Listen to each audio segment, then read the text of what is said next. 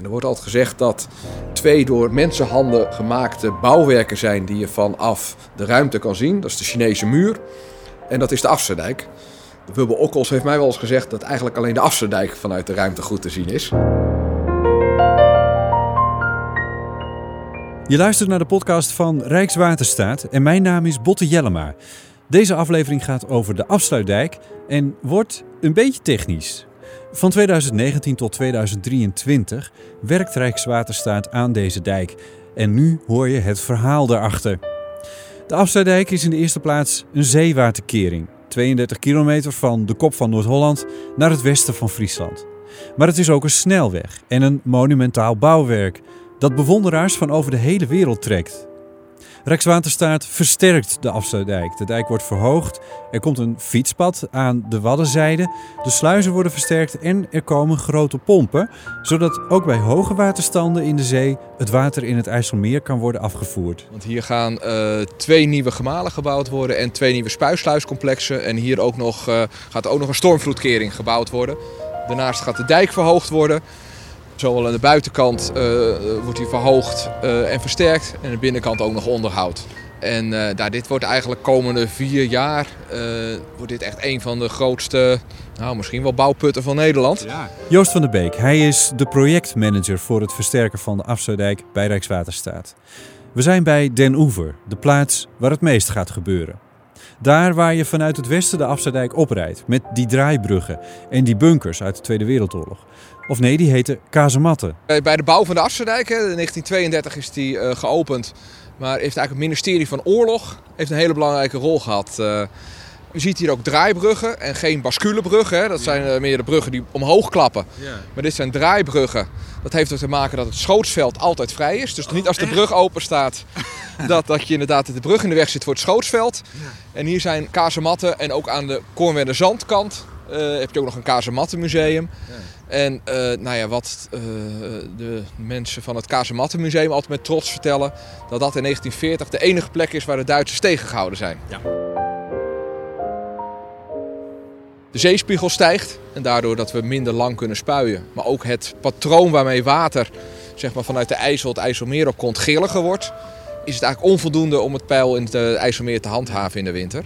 En daarvoor gaan we extra wat we noemen waterafvoercapaciteit. Dus capaciteit om het water wat via de IJssel onder andere op het IJsselmeer komt af te voeren. Gaan wij twee nieuwe spuisluiscomplexen en twee nieuwe uh, gemalen bouwen. Er staan bij Den Oever drie groepen met spuikokers, gebouwd bij de aanleg. Tussen die drie zijn twee stukken land die nu ook spuikoker worden, zodat de capaciteit op die manier al flink stijgt. Maar er komen dus ook pompen. Je kan eigenlijk alleen spuien als het water in de Waddenzee lager is dan in het IJsselmeer. En op het moment dat de zeespiegel stijgt, wordt zeg maar hè, met eb en vloed, wordt de periode dat dat uh, is, uh, wordt steeds korter. Dus dan kan je eigenlijk steeds korter kan je het water afvoeren. En daarnaast uh, heb je ook gewoon te maken met wind. Op het moment dat de wind uit het noordwesten komt, dan wordt zeg maar de Waddenzee wordt vanaf de buitenkant tegen de Afsterdijk aangeblazen. Het IJsselmeer wordt juist vanaf geblazen. Ja. En dan heb je een situatie dat je ondanks eb en vloed eigenlijk helemaal niet kan spuien. Nou, dat zijn omstandigheden uh, dat we blij zijn dat we straks ook uh, twee extra gemalen hebben. Dat, want een gemaal kan je eigenlijk altijd gebruiken. En dan kan je ook tegen de hoogte inpompen. Nou, we proberen alles maximaal met spuien te doen. Hè. Dat is uh, goedkoper, kost geen energie. Maar we zijn ook heel blij onder dit soort bijzondere omstandigheden dat we ook twee hele grote gemalen hebben staan. Ja. Ja. Wat voor capaciteit moeten die gemalen hebben? Want dit gaat over nogal wat. In feite ben je de IJssel, een rivier, aan het leegpompen. Ja, nee, dat is gigantisch. Uh, de pompcapaciteit is ongeveer 250 uh, kuub uh, per seconde. Om het een beetje te vertalen is dat je in één minuut kan je ongeveer zes Olympische zwembaden van het IJsselmeer naar de Waddenzee pompen. dat is toch wel wat.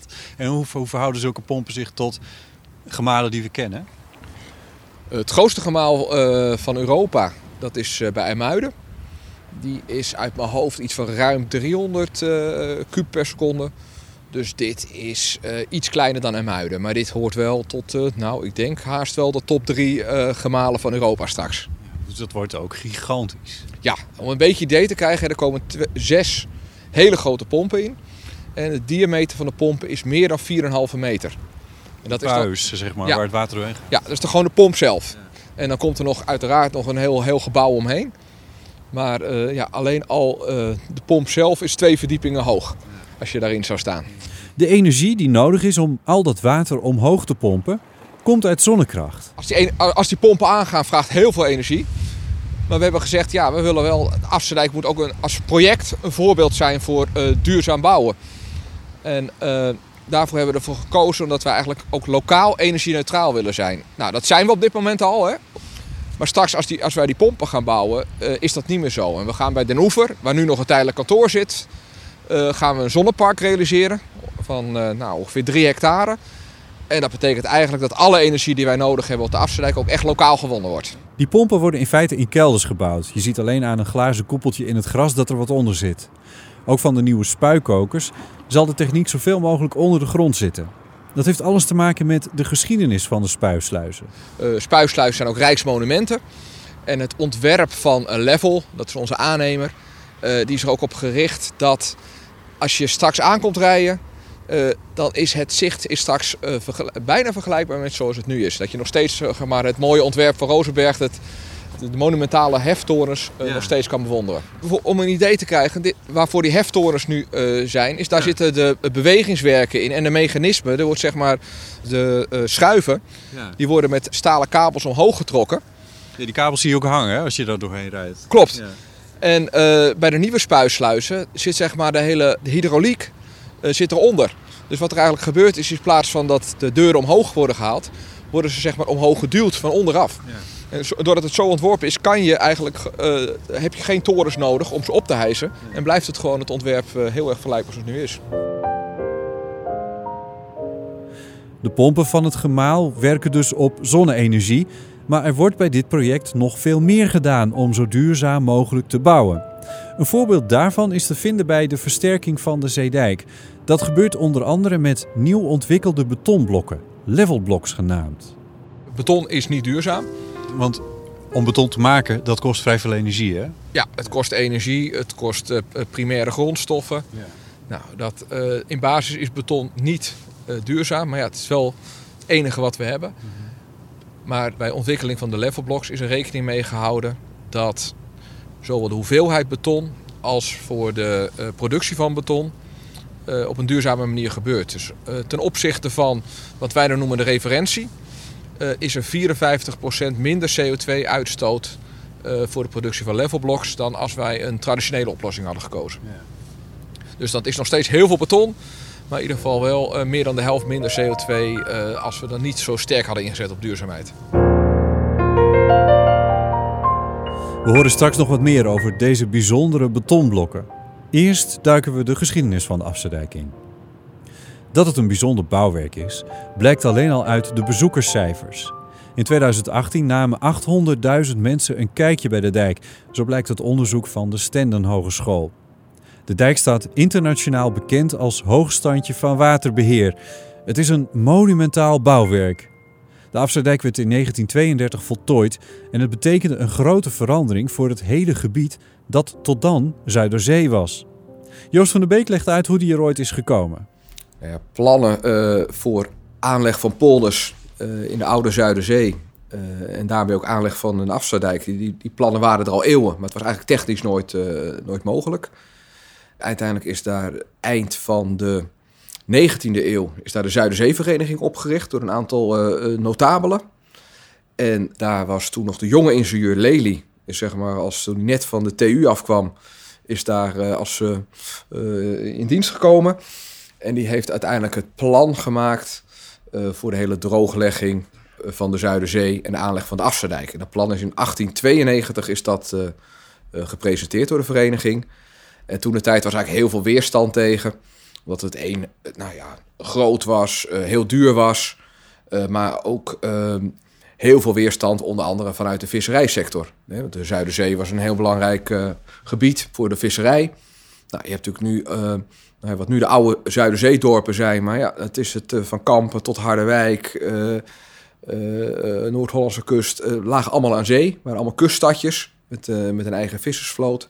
En er was heel veel weerstand, onder andere vanuit de vissers, tegen die plannen. Nou, Lely is daarna, nadat hij bij de vereniging weggaan, is hij nog drie keer minister geworden. En hij is onder andere is hij nog gouverneur geweest in Suriname. Dus hij heeft daarna een hele bestuurlijke carrière nog gemaakt. En pas in de derde periode dat Lely minister was, uh, en dat was nou zo'n, uh, denk ik, 30 jaar later ongeveer, uh, is het uiteindelijk zijn oorspronkelijke plan ook aangenomen. En de belangrijkste aanleidingen daarvoor waren er eigenlijk twee. Dat is de watersnood in 1916 en daarnaast ook aan het eind van de Eerste Wereldoorlog de hongersnood die we gehad hebben als gevolg van voedseltekorten. En toen is eigenlijk gezegd van nou, we hebben een plan nodig om Nederland beter tegen hoogwater te beschermen. En wij hebben gewoon behoefte aan heel veel meer gebieden voor uh, landbouw. Om gewoon zelfvoorzienend te kunnen zijn. Nou, toen is eigenlijk weer de plannen van, van, van Lely zijn toen weer uit de kast gehaald. En daar is uiteindelijk uh, de wet aangenomen. En dat is pas uh, nou, 19, 23, 22 uit mijn hoofd, zoiets. is toen de wet aangenomen om de Afsluitdijk aan te leggen en ook de IJsselmeerpolders aan te leggen. En in de oorspronkelijke plannen zat ook nog eh, de aanleg van de Markenwaardpolder. De watersnoodramp van 1916 trof de hele Zuiderzeekust.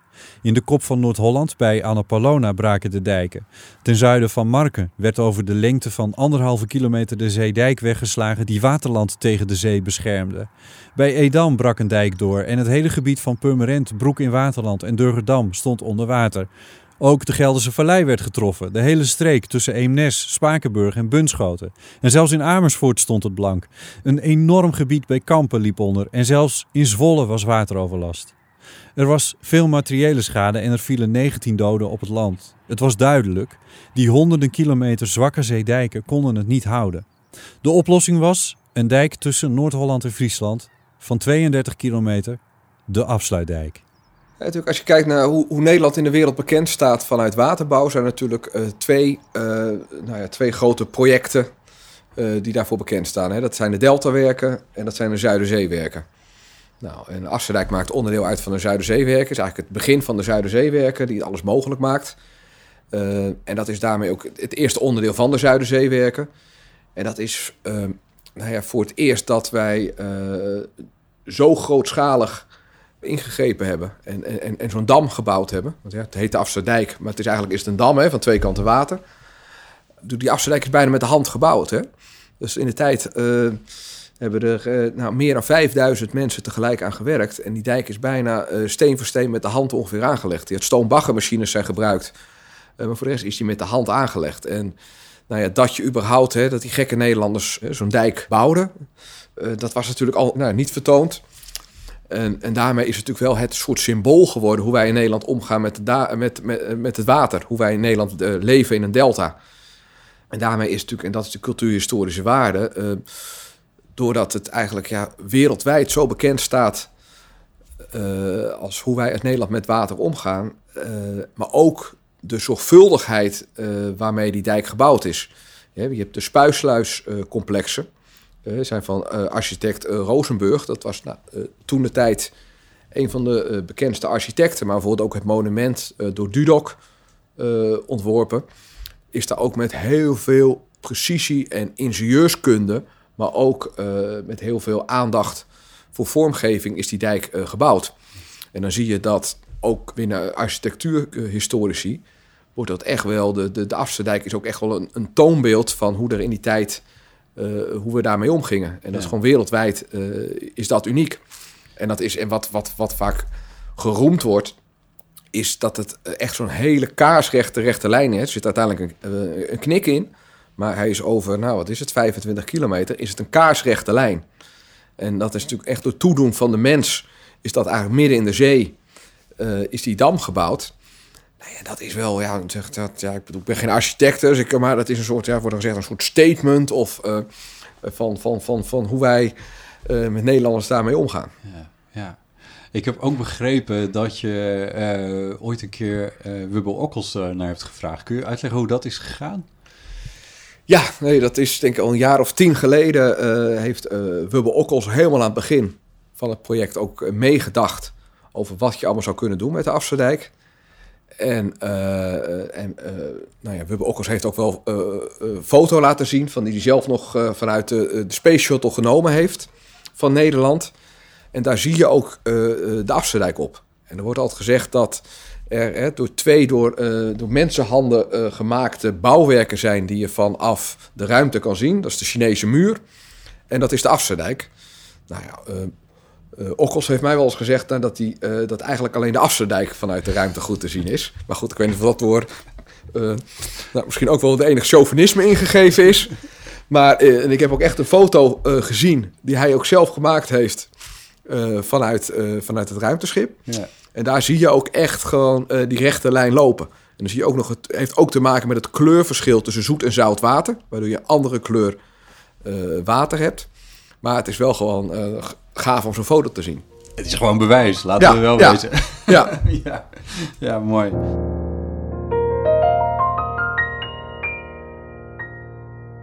Toen ooit het project begonnen is, zijn er heel veel uh, plannen geweest. Toen is er ook wel mensen die zich zorgen maken van... God, maak nou niet van de Afsluitdijk een soort kermisattractie.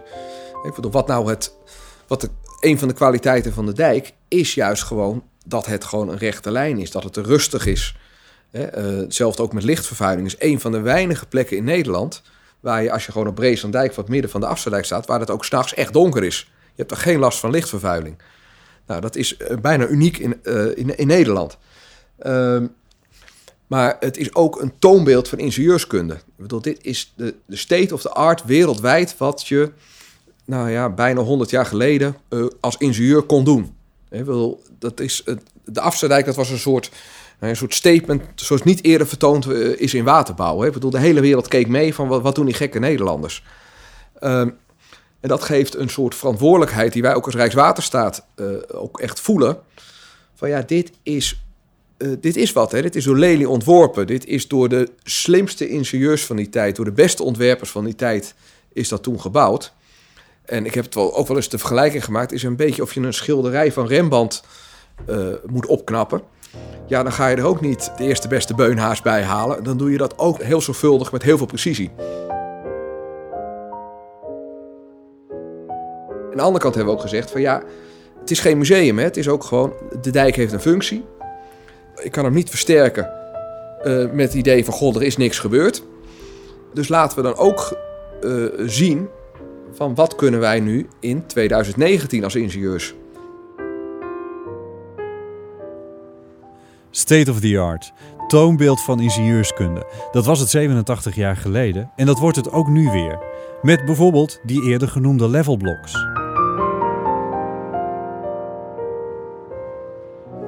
Dus even bij het uh, Waddencenter hebben we even geparkeerd. En dan kunnen we, nou, lopen we onder een klein tunneltje door vanaf de parkeerplaats. En dan ligt er zo eentje, zo'n levelblok. Ja. Uh, versterking Afsluitdijk 2019 tot 2023. Dat is de periode van waar het project in principe loopt. Ja, we staan hier naast het Afsluitdijk Waddencenter. Vandaag wel een bijzondere dag. Het is precies vandaag een jaar geleden dat het Afsluitdijk Waddencenter geopend is. Ah, kijk. Uh, initiatief van de provincie Friesland. En uh, uh, ook uh, vanuit Rijkswaterstaat kan je hier ook heel veel informatie vinden over het project. Ja. En we staan inderdaad hier naast het eerste levelblok. Deze is zeg maar al tijdens de aanbesteding door Level gemaakt. En dit is eigenlijk het eerste exemplaar van het levelblok. Ja. Ik probeer ik, ik zou niet weten hoe je dit zou kunnen omschrijven. Het beste is om hier toch gewoon maar even naartoe te gaan uiteindelijk. Ja. Maar het houdt het midden tussen, uh, tussen een basaltblok en iets wat uh, de Transformers zouden hebben uitgevonden. Ja, zoiets. Ja. Het, is, het heeft heel veel hoeken. Ja. Het is een soort van bovenaan is het, lijkt het, is het meer een soort, een soort kruisvorm. Maar er zitten heel veel schuine kanten aan. En ze vallen eigenlijk als je ze plaatst als een soort uh, dakpannen in elkaar. En in het midden zit een groot gat. En het gat heeft eigenlijk ook twee, twee uh, om twee redenen zit dat erin. Eén is voor als we straks op de dijk liggen en er komt met een storm water, dan kan het water, zeg maar, dus de kracht van het water kan er weer uit. Spuit het dan omhoog? Nou, ik, weet dat, ik, heb het, ik heb het nog niet gezien in het storm. Nee. Uh, en, en je kan het gebruiken Maar dat zou best een spectaculair gezicht kunnen worden dan. Ja, maar als er zo'n storm is, zou ik zorgen dat ik hier niet ben. Dat wil je niet zijn. Okay. Ja. Uh, en, uh, en het gat kan je ook gebruiken om hem te grijpen. Dus dan is het ook voor het plaatsen van de blokken. Dus een speciaal ontwikkelde grijparm en die pakt een beet. Ja. En uh, dan kan je hem ook plaatsen. Vraag mij een tekening van een dijk te maken en ik zet wat vloeiende lijnen op papier. Ik teken een gladde dijk. Joost legt me uit dat dat niet zo'n goed idee is. Dat uiteindelijk, als je zo'n storm hebt, hè, we, bouwen, we sterken de dijk voor een storm die eens in de 10.000 jaar voorkomt. Ja. Nou, dan moet je kijken, dan is het water meters hoger uh, dan dat het nu staat. Mm -hmm. Is waar we nu staan, staat onder water. Ja. En daar komen nog een keer golven overheen van nog uh, twee meter hoger. Ja. Nou, op het moment dat jij een gladde uh, dijk zou hebben, nou, dan zouden die golven ongeveer allemaal de dijk overslaan. Dan heb je beton en daarna krijg je gewoon de, de, de dijk zelf van keileem en van binnen zand. Die gaan een bres slaan in de dijk en uiteindelijk heb je dan een gat in de dijk. Ja. Mijn dijk is weg. Dat Jouw wordt dijk is helemaal weg. niks. Nee. En wat je probeert is, dat doen we dan met ruwheid. Hè, de, ruwheid van de dijkbekleding. Hè, dat die levelblocks allemaal van die gekke hoeken hebben. Ja. Dan kan het, uh, het water kan er tussen en kan er weer omhoog. Het Uh, kost heel veel energie om daar doorheen overheen te komen. Dat Ja. is het idee. ja, zeg maar, de, plaats, de energie van de golven wordt opgevangen door de stenen. Ja. En, uh, en daardoor krijg je uh, eigenlijk dat de golven gebroken worden. Uh, en de energie eruit gehaald wordt grotendeels uh, door die levelblocks. Nou, dan krijg je nog steeds zeg maar, een soort restgolf die over de dijk heen gaat. Ja. Nou, bij de quadro-blocks er zitten ribbels. Dus dan is ook nog een keer door die ribbels worden zeg maar, ook nog een keer de golven tegengehouden. En dan gaat er nog een heel klein beetje water bij zo'n storm over de dijk heen. Nou, we bouwen die dijk dat hij daar tegen kan. Een ander voorbeeld van hedendaags state-of-the-art ingenieurschap is de planning van dit project. Het is, het is, het is, het is werken met de winkel open en uh, meerdere winkels. Hè. De snelweg eroverheen. Precies. Uh, de, IJsselmeer dat leeg wil. Precies, dus de, uh, de spuisluizen uh, moeten in bedrijf blijven. Dus wat, wat we gaan doen is we gaan eerst de nieuwe spuisluizen bouwen. Dan blijven de oude kunnen we gewoon blijven gebruiken. Dan op het moment dat de nieuwe spuisluizen er zijn, kunnen we de bestaande spuisluizen stuk voor stuk kunnen we die opknappen. Uh, maar tegelijkertijd ook als we die nieuwe spuisluizen bouwen, is het nog steeds een waterkering. Dus dat betekent wel dat de buitenkant van onze bouwput, dat is gewoon nog steeds een waterkering. Ja. Dus dat uh, stelt ook hele hoge eisen aan uh, hoe wij die bouwput vormgeven. Ja. Dat, die ook dat de waterveiligheid in, gegarandeerd blijft. En nee, de wegverbinding moet ook in stand blijven. Ja. Heel even over die waterkering ja? dan. Want het, het, het is dus niet dat je daar even een damwandje in kan trillen in die Waddenzee? Nee. Nee, dat is dus Hoe echt... gaat dat eruit zien? Wat je onder andere doet, is aan, uh, uh, nou ja, een soort dubbele uh, damwand wat je gaat maken met nou ja, heel stevige kwaliteit staal. Ja. Hè? En, en die moet een bepaalde hoogte hebben, een bepaalde sterkte hebben. Want eigenlijk moet er gewoon op elk moment dat er een storm gaat, aankomt, moet hij, moet hij gewoon er tegen kunnen. Dus eigenlijk ben je een soort deltawerkje aan het bouwen om een deltawerk te kunnen bouwen? Ja. ja. dus... ja. Nee, klopt. Het is, de dijk moet blijven functioneren. We moeten het water kunnen blijven afvoeren. Maar ook uh, de wegverbinding moet in stand blijven. Hè. We hebben hier... Nou ja, er is geen omrijroute beschikbaar. Hè. Bij andere uh, situaties kan je nog zeggen... Nou, we, we sluiten de weg af en uh, je, je, je, moet iets omrijden. Maar ja, de omrijroute is hier via Enkhuizen en Lelystad... als je van, van Den Oever naar Harlingen wil. Ja. Nou, dus de weg moet gewoon open blijven. Dus dat betekent dat we eigenlijk... Ja, we gaan nou, de grootste verbouwing sinds de aanleg van de Afsluitdijk doen.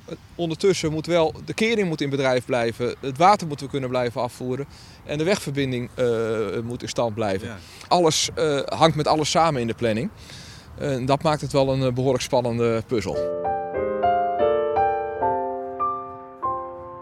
75.000 levelblocks. Een verhoging van de dijk van gemiddeld 2 meter. Meer dan 800 mensen zijn er aan het werk en er is een tijdelijk kantoor opgetrokken waar een middelgroot bedrijf drie keer in past. Eind 2022 moet het klaar zijn en dan kan de afsluitdijk, ooit bedacht door waterbouwkundig ingenieur Cornelis Lely, een superstorm van eens in de 10.000 jaar weerstaan. Wat voor persoon is Lely voor jou?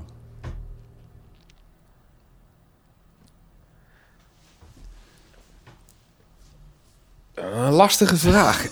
nou, ik moet zeggen, hoe, hoe langer ik aan het project werk... en nou, zelfs vandaag nog hebben we nog een moment gehad...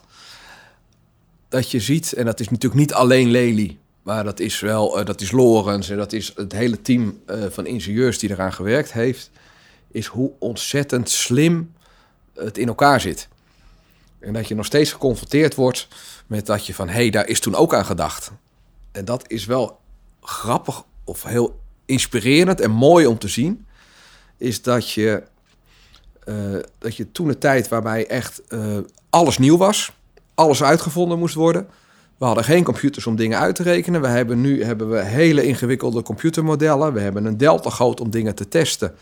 Nou, toen de tijd alles moest ontwikkeld worden en was nieuw. En dan zie je nog zo vaak word je zelfs op de dag van vandaag nog verrast. Door van, hé, hey, daar is toen ook aan gedacht. Kun je een voorbeeldje geven? Nou ja, een voorbeeld is een hele, ja, misschien is heel technisch hoor, maar uh, waar we het vandaag over hadden was het uh, moment dat, dat, dat, dat golven uh, op de spuisluizen slaan, moet het, moet het water ook weg. En er zouden toen al voorzieningen getroffen om, om ook die, om dat water weer zeg maar terug te laten slaan. Nou, dat is een heel misschien technisch detail. Maar dat is waar we nu ook inderdaad nu naar het bouwen van de nieuwe sluizen aan het kijken zijn. Van goh, uh, hoe, hoe, kunnen we nou ook die krachten weer afdragen? Dus het is, het is er zitten gewoon zoveel ook, ook kleine details. Uh, het is zo'n slim en doordacht ontwerp. Ja, dat is wel, wel bijzonder. Er zit wel wat bewondering in dan dus voor, voor Lely en zijnen. Ja, heel veel. Ook, ook omdat ik zie met wat voor techniek en kennis uh, en nou ja, wat ik zeg, een grote apparatuur, maar ook uh, uh, veel, meer, veel verder in kennisontwikkeling we zijn, dat wij nu af en toe onze hoofd breken over de vraagstukken. En daar af en toe nu echt de, de slimste mensen van de TU en van de aannemer en van de RWS bij elkaar moeten halen om, om, om problemen op te lossen. ja, dat hebben zij toen ook allemaal gedaan, maar ehm, zonder computers en zonder alle modellen en alle kennis die wij nu hebben. Dus dat is wel, wel heel bijzonder. En daarnaast waar ik ook heel veel bewondering voor heb, is de, gewoon de arbeiders die die afsluiting aangelegd hebben. Ik bedoel, uh, nu hebben we allemaal hele mooie machines en gebeuren heel veel dingen geautomatiseerd. Maar daar is gewoon elke basaltblok wat in die Afsluitdijk zit over 32 kilometer, is met de hand daar neergelegd. Dus dat is elke steen is, en dat zijn basaltblokken, die zijn niet gelijk, uh, het zijn allemaal zeshoekig, maar niet gelijkvormig. Dat is gewoon vakmanschap en die moet je erin gooien en je haalt hem er niet meer uit. Dus dat moet je op het, op het oog, moet je die steen zo plaatsen dat hij in één keer goed is. En zo is zijn over 32 kilometer uh, meters hoge dijk, is op die manier steen voor steen is die met de hand uh, gezet. Dat is natuurlijk echt een soort vakmanschap wat wij ja, nu niet meer kennen. En bedoel, nu kunnen we geautomatiseerd halen per vierkante meter, halen we het van een pallet af en zetten we het op de dijk met grote machines. Maar dat is uiteindelijk met steen voor steen is dat met de hand eh, is dat gemaakt. Nou, dat is niet, niet voor te stellen. Ja, daar krijg je vanzelf wat respect voor als je dat uh, realiseert, hoe dat moet zijn geweest. Ja. ja. ja. ja.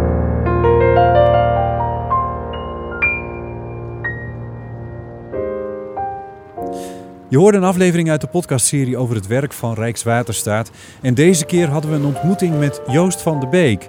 Hij is de projectmanager voor het versterken van de Afsluitdijk bij Rijkswaterstaat. Bedankt voor het luisteren.